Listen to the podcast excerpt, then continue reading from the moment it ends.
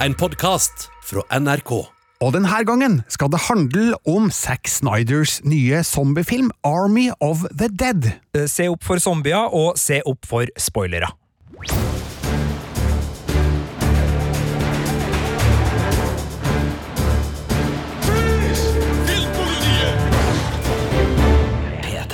Jeg heter Birger Vestmo, Jeg heter Sigurd Vik. og vi skal altså da snakke om en ny film du kan finne på Netflix fra og med fredag 21. mai.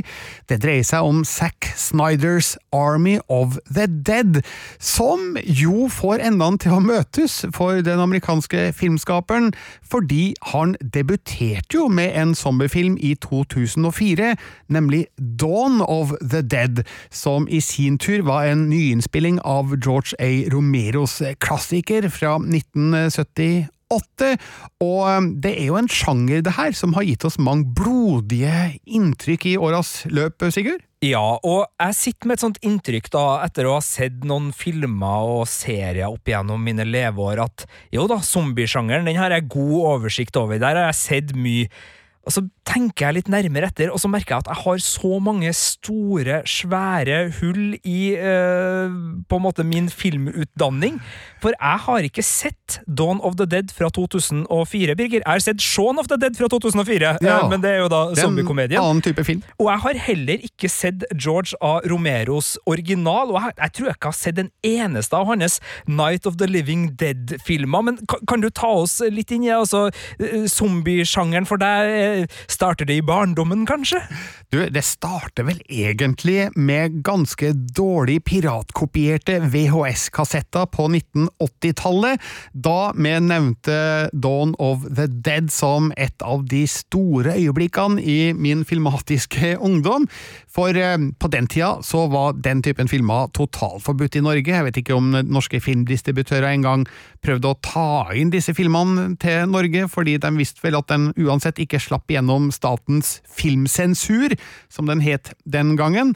Men eh, i VHS-ens barndom så hendte nok at en og annen zombiefilm eh, kom ut på markedet før lovgivninga også strakk seg til videokiosken. Eh, Men jeg så altså da Dawn of the Dead på en eh, ganske eh, lavkvalitets piratkopi som jeg mener kom fra Libanon og fra en, eh, en FN-soldat som tjenestegjorde der, eh, og jeg ble jo da virkelig på en måte grepet av de blodige virkemidlene som George A. Romero tok i bruk eh, der, skapt av effektmester Tom Savini, som er en kjent legende i splatterfilmmiljøet, og en film som eh, den dag i dag står seg, både når det gjelder skrekkvirkemidlene, og også da den satiriske kommentaren rundt amerikansk forbrukerkultur, som Zack Snyder også toucha innom i sin versjon eh, fra 2004, sjøl om eh, den ikke var like sterk på det feltet. Men den signaliserte jo at vi her hadde å gjøre med en ny filmskaper som hadde jerngrep rundt det visuelle. Eh, Snyder hadde jo da på forhånd gjort seg utmerka i en del musikkvideoer, blant annet for CC Topp og Soul Asylum og Morrissey av alle, men eh, fra og med Dawn of the Dead så var det spillefilmen som sto i fokus for han, og i åra som kom, så fulgte jo storfilmer som 300 i 2006. Eh, hans eh, filmversjon av Watchmen kom i 2009. Eh, Sucker Punch er det kanskje en del som husker fra 2011, og så begynte han jo da på DC Comics-filmene sine, altså Man of Steel i 2013, Batman vs. Superman Dawn of Justice i 2016, og så kulminerte jo da med Justice League i 2017 som jo Joss Whedon måtte ta over da eh, Snyder måtte trekke seg fra innspillinga pga. tragiske omstendigheter på heimebane.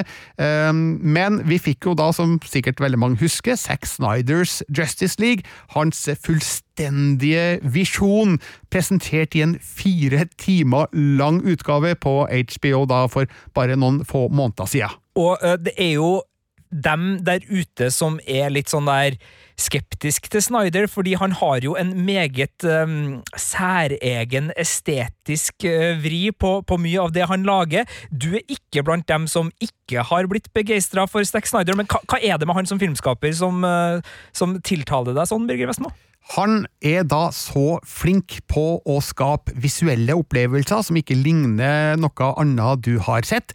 Han er riktignok ikke den flinkeste til å skildre figurene i filmene sine, og skape de emosjonene som kanskje hadde gjort filmene enda bedre. Han er også litt dårlig på humor, sjøl om han prøver, også i den filmen vi skal snakke om nå, altså Army of the Dead. Men når det gjelder visuelle virkemidler, så er det få som slår Zack Snyder. Han har et så glossy og gjennomført preg på sine filmer som gjør det veldig lekkert å se på. Kanskje vil det her fortone seg litt tomt og glatt og polert for enkelte, men eh, jeg syns det er deilig at vi har en filmskaper som er så rå på det filmatiske uttrykket, altså kompromissløs på hvordan han får eh, eh, stelt i stand action-episke øyeblikk i reklamefilmstil. Det er så griseflott å se på at ja, man kan bare bruke øynene for hva det er verdt til å få med seg alle detaljer i store og små tablåer som Snyder er en av de frekkeste til å stelle i stand. Og uten at jeg skal si noe veldig generelt om Netflix, som da er hjemstedet til hans nye film Army of the Dead, så har jo Netflix uh, vist seg villig til å dyrke nettopp de overflateglade, uh, som kanskje ikke er så gode på rollefigurer og emosjonelle klangbunner. Altså Ryan Murphy, uh, kjent for en rekke serier, blant annet Ratched og disse um, American Horror Story og American Crime Story-seriene er jo også en serieskaper som er veldig glad i overflatene, og med da samarbeidet Netflix og Zack Snyder, så er det jo i hvert fall duka, Birger, for at det skal se vanvittig fett ut på skjermen, ja, eh, det vi får servert. Og det gjør det jo òg, men eh, samtidig så det slår meg jo hver gang jeg ser en storfilm på Netflix eller hvilken som helst annen strømmetjeneste, at Dæven, det her skulle ha blitt opplevd på kino! Det her er jo ment å bli vist på et digert lerret med skikkelig surround-lyd. Men eh, vel, vi får bare godta at eh, det er Netflix som har finansiert det her eventyret, og som har fått, eh, eller gitt Zack Snyder muligheten til å realisere sin visjon. Og vel, da er det vel bare å si én ting. Vi advarer her mot eh, ja, ikke sterke scener, eh, det blir sterke scener, men vi advarer mot at vi kommer til å spoile handlinga i Army of the Dead, så om du ikke har sett filmen enda, skru av og kom tilbake til oss etter at du har sett eh, filmen, men har du allerede sett filmen, heng på med en gang. You ready to play? There's $200 million in the vault beneath the strip. With a 32 hour window to get it out. Find the safe. This should be a simple in and out. It's not too late to go back. Ja, Premisset i Army of the Dead er jo veldig enkelt, men jeg vil si nær sagt genialt. Her er vi altså da i et Las Vegas som er overtatt av zombier. Byen er fysisk avsondra fra resten av verden. Det raver da hundrevis, for ikke å si tusenvis, av zombier rundt i Las Vegas gata. Nedover The Strip og inne i alle kasinoene osv. Og nå er det sånn at Las Vegas rett og slett skal utslettes av en atombombe for å få bukt med zombieproblemet en gang for all. Men før det skjer, så er det en kasinoeier som gjerne vil ha tak i 200 millioner dollar, som er gjemt bort i hans bankhvelv under kasinoet hans. Og han hyrer da et team skyteglade figurer de er ikke soldater, for så vidt, men eh, de er i hvert fall eh, krigsvante mot disse zombiene, da, som vi ser eh, klipp av innledningsvis. Hyre dem for å mm, ta seg ulovlig inn i Las Vegas få åpna dette bankhvelvet i kjelleren på kasinoet og ta med seg de 200 millioner dollarene ut av byen før atombomba går av.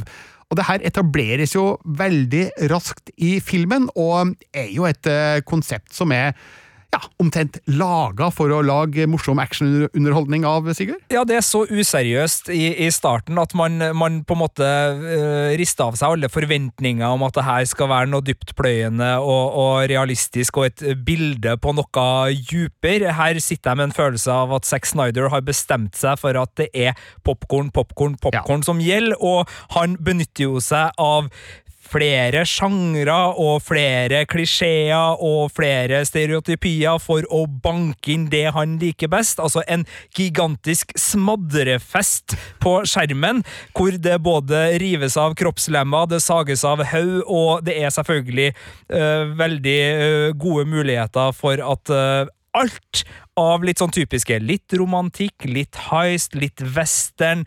Eh, altså, det er alt i den filmen her, Birger. Og så er det slik at eh, Army of the Dead starter med en veldig stilig sekvens under fortekstene, der vi da ser i slow motion, eller sakte film som det heter på norsk, hvordan krigen mot disse invaderende zombiene arter seg helt i startfasen.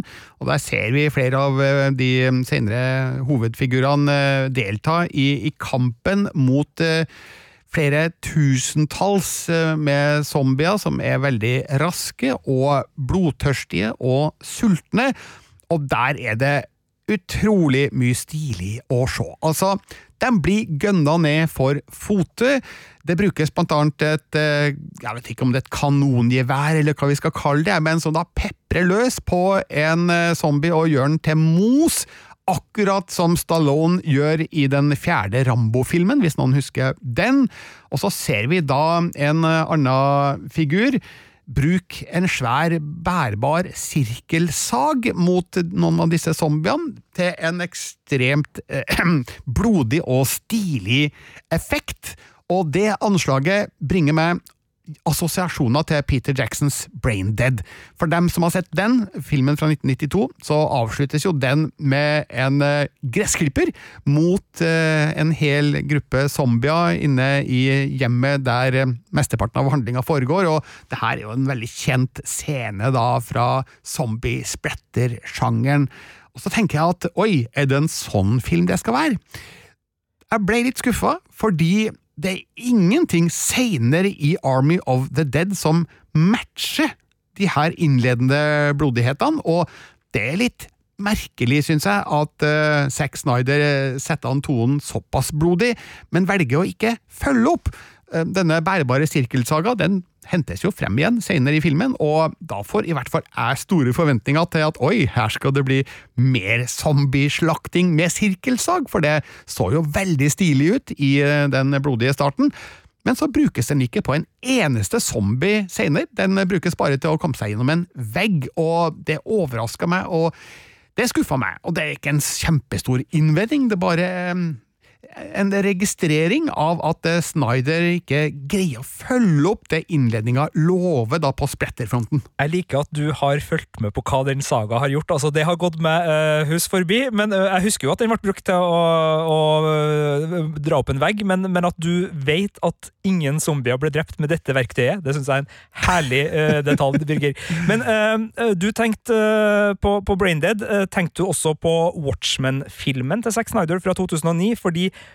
åpningsvignetten hadde jo veldig mye likhetstrekk til den åpningsvignetten, som også da forteller oss handlingsforløpet vi trenger å vite for at historia i Watchmen skal settes i gang på et gitt tidspunkt, da til tonene av Bob Dylans The Times They Are Changing. Det er jo en av mine favorittåpninger på film, og jeg er helt enig med deg, eh, det er ikke en film som nødvendigvis lever opp til det vignetten eh, eh, lover, men du verden, den åpninga er, den er fantastisk. Ja, den er veldig stilig, og den setter jo da tonen også for um, det humoristiske aspektet ved Army of the Dead.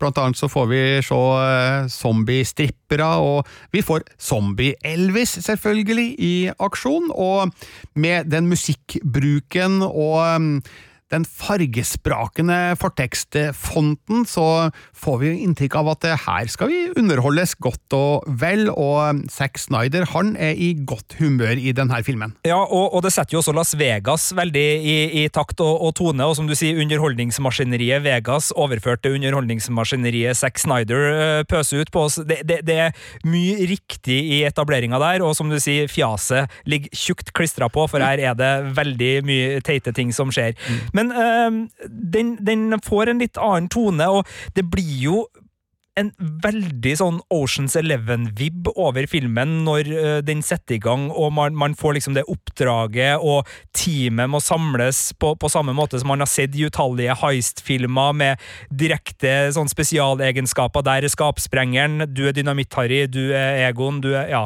ja. skal ikke bruke Olsenmaten her noe mer, altså.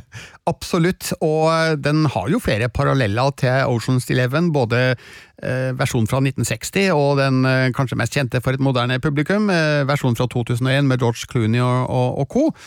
Og det er klart at det er visse preferanser fra heist-sjangeren som også Zack Snyder tar i bruk og følger slavisk i Army of the Dead. Det er litt sånn Getting the Band Back Together-vib også over måten han samler dette teamet på, og der de eh, loves en eh, ganske heftig payday med litt ulike summer, alt ettersom hvilken funksjon man skal ha, og man aner jo at det her kommer til å forårsake en del problemer da internt i dette ranslaget litt seinere i filmen. Hvem likte du liksom umiddelbart best av de typete typene som vi presenteres for her? Jeg syns jo Tig Nagaro i rollen som helikopterpilot var veldig sånn umiddelbart catchy i, i etableringa.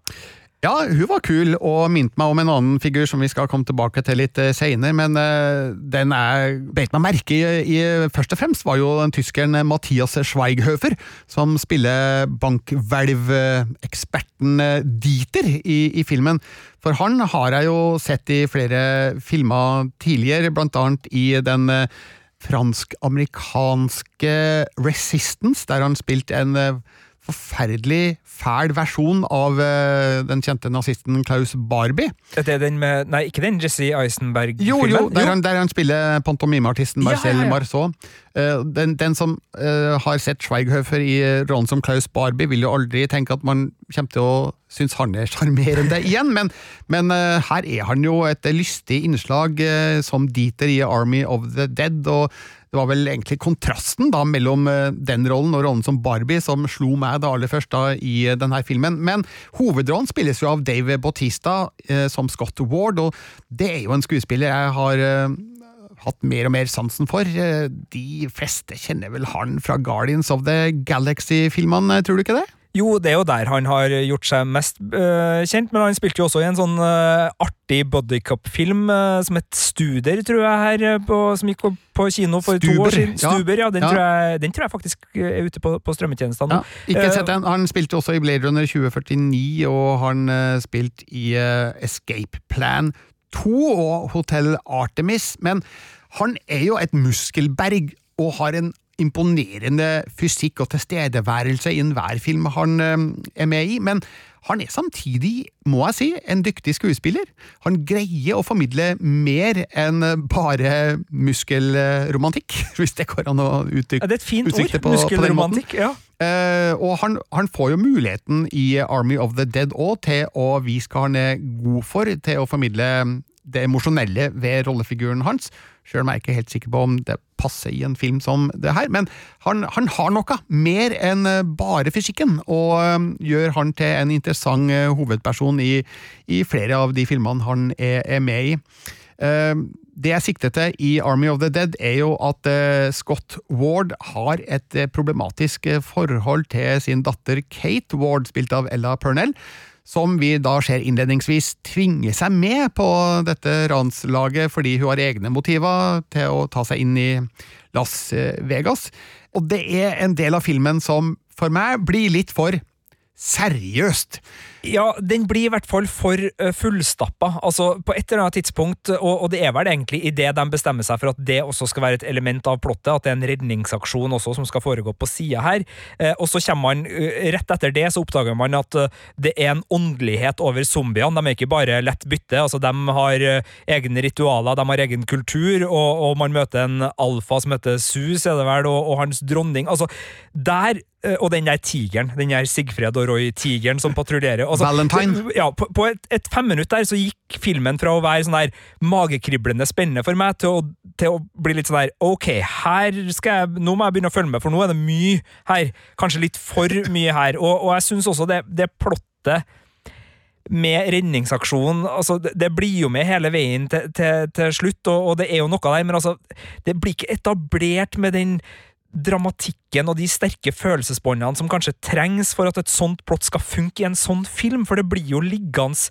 på sida hele tida. Altså, det er jo aldri noe, noe ordentlig næring og oppmerksomhet så vies det plottet. Det blir liksom bare sånn der Og så har vi noe, noe seriøse greier på sida her. Ja, jeg syns at det kunne Zack Snyder godt ha kutta. Jeg syns ikke at det tilfører filmen noe spesielt, all den tid eh, den ikke får. Tid og rom nok til å utspille seg ordentlig, da. Men samtidig vi vet jo at eh, Zack Snyder mista dattera si under tragiske omstendigheter for fire år siden, og vel, man kan jo se for seg at det kan være en av grunnene til at han ønska å, å, formidle et far-datter-forhold i Army of the Dead. Ja, Det er vel han som har uh, ikke skrevet manuset fullt ut, men Story by uh, Zack Snyder er vel det som står på rulleteksten, så det er vel hans uh, konsept uh, denne filmen ja, er bygd på? Han har også skrevet screenplay sammen med Shay Hatton og Joby Harold, så han er absolutt involvert i alt på manussida her. men jeg vet ikke om det er derfor, men man kan jo tenke seg til da, at kanskje er det derfor han syns det var såpass viktig å formidle dette far-datter-forholdet, som jo da har en utfordring, eh, og så får vi se om det løser seg underveis. Hva syns du om at uh, filmen velger å gå såpass westernaktig, vil jeg si, uh, til verks når det gjelder uh, zombiene, da, og gi dem den her mytologien og, og den åndelige sida, og at det på en måte blir et sånt nesten enda et sideplott, da, at man har to alfazombier, en mann og en kvinne, og en graviditet, og, og i hele tatt at det, det spilles opp veldig sånn emosjonelle sånn hevnmotiv inni den her heist-filmen. Men det syns jeg var bra. Jeg syns det var fint, jeg. Fordi vanligvis så har jo zombier bare vært zombier. Altså omtrent viljeløse, instinktdrevne kjøttbiter som skal bare meies ned. Her blir det litt mer med dem, og eh, de gis motivasjoner og bakgrunner som eh, gjør at eh, de blir mer interessante å følge med på. Og så blir det jo etter hvert eh, klart at eh, det er ikke sikkert zombiene er de verste skurkene i det bildet her, så akkurat den biten av filmen syns jeg var veldig bra. Um, Hva syns du om hjelmen til alfahannen, og at de aldri klarte å treffe noe annet enn uh, utenom de store hullene som var midt i? Altså Hvis du er skarpskytter og har to svære hull å sikte på ja. i øynene, du må da klare å treffe noe inni der! Ja, men det var, det var lang avstand, vet ah. du, Sigurd. Det var lang ah. avstand, og vel det, det, er vanskelig å være så treffsikker i en ganske utsatt posisjon som ja. Eh, de er i den filmen her. Uh, Sigurd, du nevnte altså da um, Watchmen i stad, uh, og vi har snakka om Oceans Oceans Eleven, men det er én film over all som jeg mener må være den store inspirasjonskilden til Army of the Dead. Vet du hvilken? Nei, Vi er jo ferdig med å snakke om Olsenbanden, det har jeg jo allerede lovt. Nei, hvilken film er det jeg ikke tenker på, Birger? Altså, Det her er jo rett og slett James Camerons Aliens fra 1986. Det er så mange likhetstrekk og paralleller mellom de to filmene at det kan ikke være tilfeldig. Altså, nå må jeg bare liste opp her det jeg har skrevet i anmeldelsen min. Eh, det handler altså da om et team som har kjempet mot horder av monstre. Det er jo kanskje ikke så unikt for disse to filmene, men du har det. Eh, så har de jo med seg en, eh, det jeg velger å kalle en, en corporate guy, som har skjulte motiver. Han vil jo da ta med seg et zombiehode ut av Las Vegas for å utvikle et zombievåpen det er jo akkurat det samme som skjer i Aliens. Uh, så er det jo Det er jo til og med én i filmen, jeg husker ikke helt hvem, som sier om zombiene You don't see them fucking each other over. Det er nøyaktig det samme som Sigourney Weaver uh, sier i Ronson Ripley i Aliens.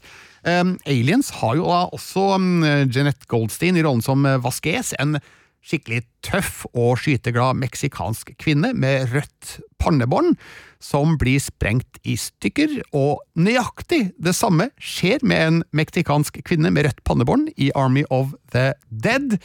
Du nevnte den kvinnelige piloten tig, eh, som spilles av Uh, Tig Notaro. Tig Notaro, ja. Eh, På et tidspunkt mot slutten av filmen så, så kommer da de overlevende ut på taket, og det virker som at hun har tatt av i helikopteret sitt og forlatt dem. Men så kommer hun tilbake og redder dem, og nøyaktig det samme skjer med piloten Ferro i Aliens. Eh, På slutten der så gjør hun nøyaktig det samme. Og så har de jo da dette med atombombe som eh, final solution. Det er nøyaktig det samme som eh, er avslutninga i Aliens, og i tillegg så har du jo da dette båndet mellom eh, eh, forelder og barn, som er da mellom Ripley og Newt i eh, Aliens. Riktignok er ikke Ripley mora til Newt, men det oppstår et moderlig bånd fra hun til, til, til Newt, og så er det da det samme med, med far Scott og datter Kate i um, Army of the Dead. Og jeg vet ikke, Er det nok paralleller til å tro at uh, Zack Snyder har sett Aliens? Ja, det, det, du uh, har uh, flere overbevisende argumenter her, Birger, og, og det framstår veldig tydelig. Og da er jo spørsmålet Det er jo ikke en plagiatfilm, det her. Det, det er nok originalitet og, og, og sånt til at den, den omgår det. Men det at den lener seg så tungt på så mange store forbilder, gjør jo at man kanskje får en litt sånn følelse av at det er mye som er ferdigfordøyd her, og, og det er mye som ligner på, og det kan være artig, og jeg merker jo at uh, i, i de 10-15 siste årene så har det blitt mer og mer vanlig å ha referanser for referansens skyld, altså den postmodernismen som David Lynch og Quentin Tarantino var forkjempere for, hvor en referanse skulle ha en et ekstra lag, altså en ekstra mening. Det var ikke bare å putte dem inni her. Den har blitt ofra for en mer sånn kickass-variant, og det er filmen jeg holder fram som på en måte nesten uh, den første gangen jeg ble veldig obs på det, at det er liksom bare å smelle på med referanser for referansens skyld, og så er det kult for filmfans, og det er det jo, men altså, det er noe, noe hult over det òg. Uh, blir Army of the Dead litt hul av alle sine referanser og homasjer til andre filmer, eller eh, syns du liksom at den klarer den balansen? Jeg har ikke et problem med at Army of the Dead låner fra andre filmer, det må jeg si. Nå er ikke Zack Snyder den eneste som gjør sånt. Nei, Quentin ikke. Tarantino gjør jo det i alle sine filmer. Ja, men Han gjorde det mer elegant og bevisst i starten, både fordi at det var gjerne filmer du ikke visste om fra før. Altså Han gikk til samuraifilmer veldig få hadde sett. Altså Det er samme type utnytting, det er ikke det, altså. Men Aliens, Oceans Eleven, det, det er liksom Det er så svære ting å ta fra, da. Ja, det er det, men samtidig så skal du ikke se bort ifra at en stor del av eh, det moderne Netflix-publikummet ikke har sett disse filmene. Altså, Det er ikke sikkert de har sett Aliens, det er ikke sikkert engang de har sett Oceans Eleven fra 2001. Det, det er en 20 år gammel film vi snakker om der, så Ja, og, det, og det er navlebeskuende, det jeg sitter og sier nå her, fordi jeg vokste opp med Tarantino og har liksom den type lån veldig høyt oppe, og så, så nå eh, så sitter jeg og er litt sånn surmaga gamling og, Ja. og hytter med neven mot, eh, mot skya. Så, så jeg ser den, altså. Jeg ser den. Men jeg tenker jo at Zack Snyder lykkes med å brunne disse elementene fra flere filmer og ulike sjangre til en eh, ny film, som jo er forholdsvis effektiv i uh, handlinga si, og som eh, gir jo eh, Snyder muligheten til å ha det gøy da med kjente sjangerelementer, så eh, jeg har ikke det her som er heller ikke negativt mot Snyder, at han låner fra fjern og nær og fra gammelt og nytt. Men blir det ikke veldig forutsigbart? Det er det jeg kanskje tenker på mest. altså at Når man kjenner igjen disse mekanismene, og, og både i plott og, og rollefigurer, og sånn, at man, at man da liksom blir litt uh, forberedt på hva som skal skje, og så klarer kanskje ikke denne filmen å by på de aller største overraskelsene eh, når det gjelder sånne ting. Altså Det helikopteret du snakka om, altså at man sitter der og tenker vel egentlig ikke at det er noen reell fare for at det ikke skal dukke opp igjen. Nei, det er nok riktig, men jeg forventer egentlig ikke det her fra Zack Snyder. Jeg har blitt såpass godt vant til hvordan han lager film nå, at eh, det er ikke der vi skal få den store nyskapninga i, i filmhistorien. Det er det andre som tar seg av. Eh, Zack Snyder er en mann som tar tak i kjente grep og teknikker, og videreforedler dem da med sitt eh, spesielle formspråk. Slik at jeg blir jo ikke skuffa over at Army of the Dead eh, låner ganske klart og heftig.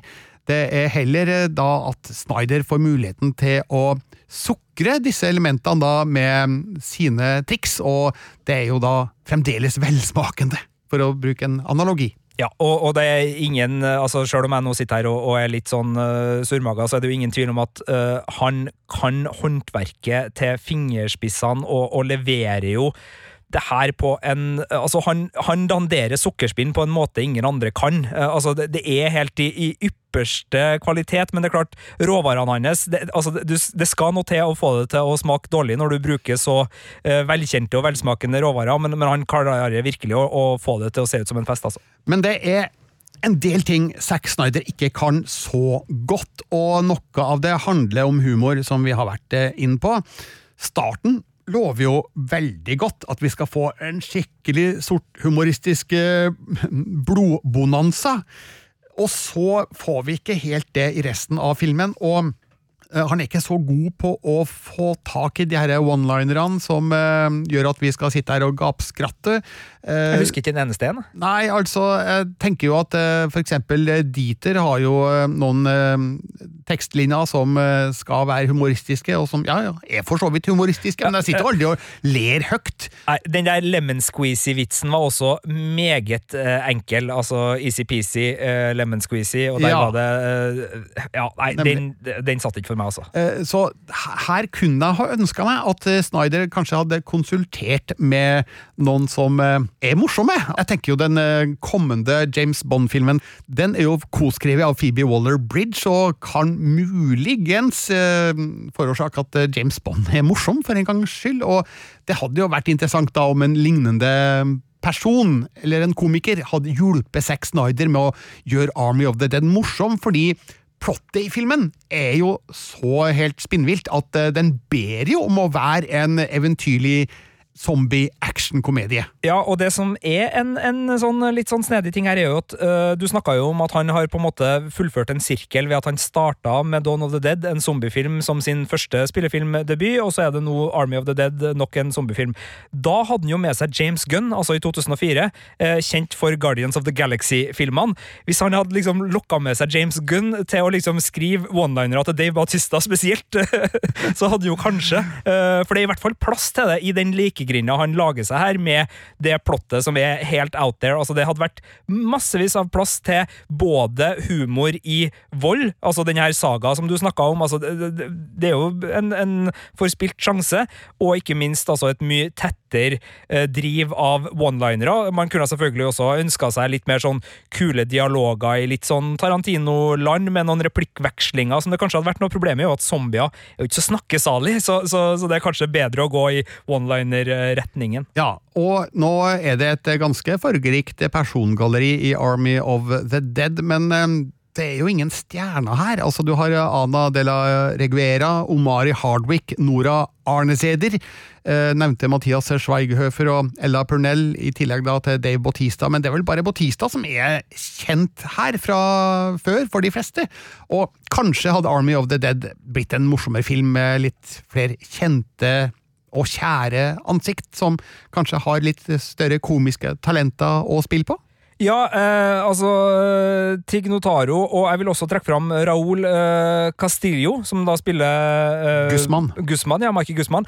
Han, eh, de to syns jeg leverer best av på en måte eh, eh, det det crewet, da. Uh, og, og, det er jo skuespillere jeg liker fra før, men da fra litt mindre serieroller. Uh, altså, Raúl Castillo spiller jo blant annet i Looking, en HBO-serie eh, som er aldeles nydelig, så, så, han har jeg et veldig sånn stort hjerte fra fra før, sånn som du da har med, med, med Ludvig Dieters skuespiller. Så, så, folk vil jo kjenne igjen ansiktene fra ulike serier og litt her og der, men jeg er helt enig i at den store liksom karismaen er kanskje ikke til stede utenom da hos uh, Bautista, og det hadde vært rom for uh, flere kjente ansikt. Altså, Ving Rames var vel med i Zack Snyders Dawn of the Dead. Det hadde vært plass til en Wing Rames her. Tatt et lite avbrekk fra noen Mission Impossible-filmer og, og, kjørt på med noen uh, gode, litt sånn Pulp Fiction-aktige hardhouse-sitater. Hadde jo det, eller Samuel L. Jackson, som nettopp var med i en bitte liten rolle i den nye Spiral. Det kunne vært noen motherfucking Snake, sånn that motherfucking helicopter. Ja, ikke sant? Uh, siden han var med i en birolle i Spiral, så tror jeg at uh, Jackson tar til takke med hva som helst for tida, så hvorfor kunne han ikke da Chris? Rock også. De kunne ha uh, merga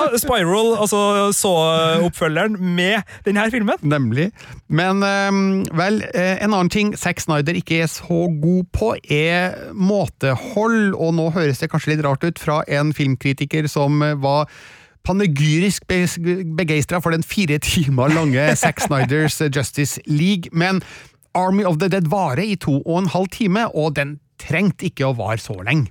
Nei, altså, øh, du har jo sett den øh, som anmelder, og, og det gjør jo at man sitter veldig sånn øh, konsentrert og, og følger med, og det er mulig du tar notater med syrlig skrift og, og alt det der. Jeg så den jo i full uh, rekreasjonsmodus. Altså, det var uh, pizza, det var bare sofakos. Og ja, du merker da at den er i overkant, både metta på litt sånn repeterende action, for det, det er en sånn følelse litt uti, sånn to tredjedeler ute i filmen der, at du liksom står bare og ser på scener som skal bli ferdig. Ja. Eh, altså Det er noen eh, duell altså, øh, Helt opp til slutten egentlig så er det noen sånne fanga i en gang mot masse zombier-scener som, som går igjen, og som, som føles litt sånn eh, utmattende, nesten, fordi de er så like, og de er så opplagt, de er så forutsigbare, de er så enkle, og det er ikke noe spektakulært i dem i seg sjøl som, som løfter dem. Eh, Så, så den har noen sånne kvaliteter som de aller beste popkornfilmene ikke har, hvor energien bare drar deg gjennom det med en sånn følelse av konstant magekribling. Det, det, det, lugger litt i maskineriet innimellom i denne filmen, syns jeg. Og det er litt for mange sidespor her, altså vi har jo allerede vært inn på far-datter-forholdet, men eh, nå er det jo tydeligvis en slags romanse på gang òg, da, mellom eh, Scott Ward og eh, figuren som heter Maria, altså spilt av, eh, nå må jeg bla litt oppover her, Ana de la Reguera, og det er også en sånn del av filmen som eh, ikke trengte å være med, og som bare sakker hastigheten og fremdriften, og gir ikke filmen noe spesielt mer utover å bare være en sånn pauseknapp der du kan gå på do.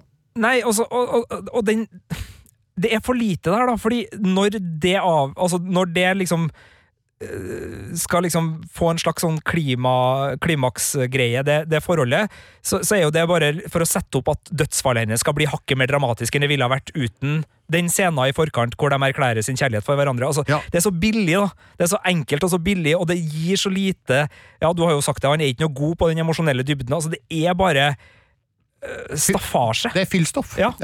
Så jeg tenker at hvis den filmen her skulle ha gått på kino, så hadde nok Snyder muligens vært litt hardere med saksa og fått den ned til to timer, to timer og ti minutter. Ja, for her er du inne på noe interessant. Altså, øh, Netflix er litt sånn øh, kjent, i hvert fall øh, eksternt, for å gi liksom frie tøyler til, til sine autører, og sine regissører og sine serieskapere. De får veldig gode arbeidsforhold, de får gode, relativt gode budsjetter, og de får, de får gjøre det sånn som de vil ha det. Og for fankulturer så er jo det en veldig sånn der hyggelig beskjed å gi ut. Altså, her er folkene du digger, og de får lov til å holde på med det de vil. Og, og Snyder-cutten har jo med all tydelighet vist at fansen er viktig, og at akkurat denne følelsen av at dem du digger, de får gjort det på sitt vis, er viktig. Men det som du sier, altså, på kinofilmen Produsenter som slipper kinofilm, er kjent for å være ganske brutale å, å ha med å gjøre, og de stiller krav. Altså Grunnen til at den filmen som nå er mest populær på Netflix, altså The Woman in the Window, den gikk gjennom et utviklingshelvete på tre år, med testscreeninger som gikk til helvete, og den gikk fra Disney over til Netflix. Altså, det er uh, hardt å holde på i, i filmbransjen, og jeg tror også at Zack Snyder kanskje ikke hadde fått lov til å lage den filmen her på det her viset hvis den skulle ha gått ut som en gigantisk kinofilm, og det har den jo veldig mange forutsetninger for å kunne ha gjort. Eh, og at den der Kill Your Darlings, og, og ikke liksom bare tenke sånn Ja, men fader, vi lar det nå være der, da. Vi har nå spilt det inn. Det var noe ganske kult. Og det er jo masse Zack Snyder-fans som kommer til å like det. Altså, den holdninga fungerer på Netflix. Jeg tror kanskje at jeg kunne ha foretrukket å sett en, en kinoversjon som hadde vært trimma med 20 minutter. ja. Ja, Men her har Zack Snyder hatt full kontroll, tror jeg. Han har jo produsert filmen sammen med kona Deborah. Han har da åpenbart regissert den. Han har, han har også filma den, eh, og han har skrevet manuset. Så det her er en Snyder Cut? Det her er en Snyder Cut, absolutt. Selv Sjøl om ja, ja, det er Dodie Dorn som er filmens klipper, da, men her har nok Zack Snyder vært med hele veien. og har nok hatt full frihet til å gjøre filmen så lang som han syntes at den måtte være. Men nå føler jeg jo at eh, nå har vi vært ganske negative i ganske lang tid Ja, det- eh, det om Army of the Dead. Eh, Nå skal jeg skynde meg å si at det er en god film. Jeg liker Army of the Dead. Jeg hadde stor glede av å se zombier blir slakta ned igjen i Zack Snyders eh, stiliserte univers. Så det har blitt en firer på terningen til Army of eh, the Dead. Eh, Den har altså noen ulemper eller bakdeler eller mang... Jeg skal ikke si feil, men Ryggsekker? ja, noen ryggsekker. Har den noen ryggsekker? Ja, den har det. Som gjør at den er ikke helt i toppen av Zack Snyders filmografi. Eh, sånn sett så er jo det litt skuff, fordi hver gang han kommer med noe nytt, så ønsker man jo at det skal matche 300, at det skal matche hans egen Justice League. Men eh, klart, man kan jo ikke levere terningkast seks hver eneste gang, sjøl om man heter Zack Snyder. og Jeg tror nok at eh, Army of the Dead kommer til å bli en pen suksess for eh, Netflix, for det her er jo en sjanger som eh, tiltaler mange, sjøl om eh, det er forholdsvis blodig, da. Ja, jeg tror den her kommer til å gjøre det veldig godt eh, på Netflix. Altså, bare i plakaten som kommer til å dukke opp i spillerne til folk verden over og insistere på at det her er kult, det her er stjernetungt, og det her er artig. Det her er, det, det er lettbeint, det er gøyalt, det er kult, det er røft, det er snertent osv. osv. Altså, den har alle de reklameplakatkvalitetene som du trenger da, for å lykkes i en strømmetjenestelandskap, hvor du ikke blir vurdert på hva folk syns etter at de har sett filmen, du blir vurdert på hvor mange som trykker play, og veldig mange kommer til å trykke play. Og jeg er helt enig med deg, vi har sittet her og vært litt negative, vi har sittet her og stilt noen kritiske spørsmål. Jeg òg liker den filmen her godt, fordi den er så ærlig på hva den er. Den er så skamløs ute etter å underholde oss, og ikke noe mer, at den funker. Og der man eh, under Dawn of the Dead satt og diskuterte ja, den der kjøpesenterscena i nyinnspillinga kontra den eh, som Romero hadde, er den like kritisk mot amerikansk forbrukerkultur som originalen? Altså, De perspektivene tror ikke jeg man kommer til å høre så veldig mye om etter denne filmen, for den eksisterer ikke. Nei. Den er ikke der for å være en samfunnskommentar, og hvis den er det, så er den samfunnskommentaren like sånn skuldertrekklett som, eh, som actionsekvensene er. Eh, Jeg liker slutten også veldig godt. Eh, Den legger jo opp til mulige oppfølgere, og, og den har en sånn Der klarte den å få Altså, det er et eller annet når en eh, by eksploderer av en atombombe i bakgrunnen, og den ensomme overlevende rusler gjennom ørkenen. Altså, det det er noe sånn veldig sånn elementære amerikansk eh, mytologibilder inni der som, som eh, funka, og det er klart, eh, en japansk kasinoeier i atombombe, altså det ligger noe historisk for dem som ønsker en dypere analyse her. altså Jeg skal ikke avføye filmen helt som totalt innholdsløs, men, men den er, den er fjærlett, og, og den er lettbeint, og den er veldig pen å se på. Og selv om du kjeder deg litt innimellom, så får du, et, du får en pangstart, og du får ei saftig avslutning. Men et spørsmål. Er kasinohvelvene i Las Vegas eh, atombombesikre? Ja, Det virker jo som de eh, er det i det her fiksjonsuniverset, og, og jeg tenker at eh, Jeg husker jeg, jeg satt og tenkte på det da jeg innså at det her er sannsynligvis det som altså sånn, Den kommer til å overleve. Jeg syns det å gå ut så tidlig etter en eh, atombombe, altså med tanke på radioaktivitet, og sånn virker dumdristig. Men det er klart, hvor lenge skal du sitte i et mørkt hvelv? Jeg vet ikke hvordan oksygentilgangen er, det er kanskje en sjanse du må, må ta.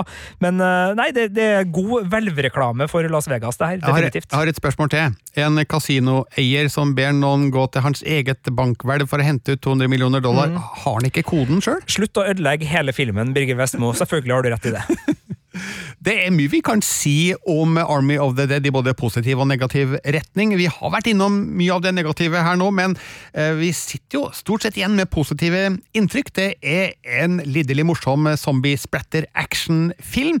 Kunne ha vært enda bedre, med litt mindre eh, seriøst drama og litt mer velfungerende humor, men eh, jeg tror at for de fleste så innfrir filmen de forventningene man måtte ha, og Army of the Dead kan du altså se på Netflix fra og med fredag 21. mai. som er i morgen når det her spilles inn.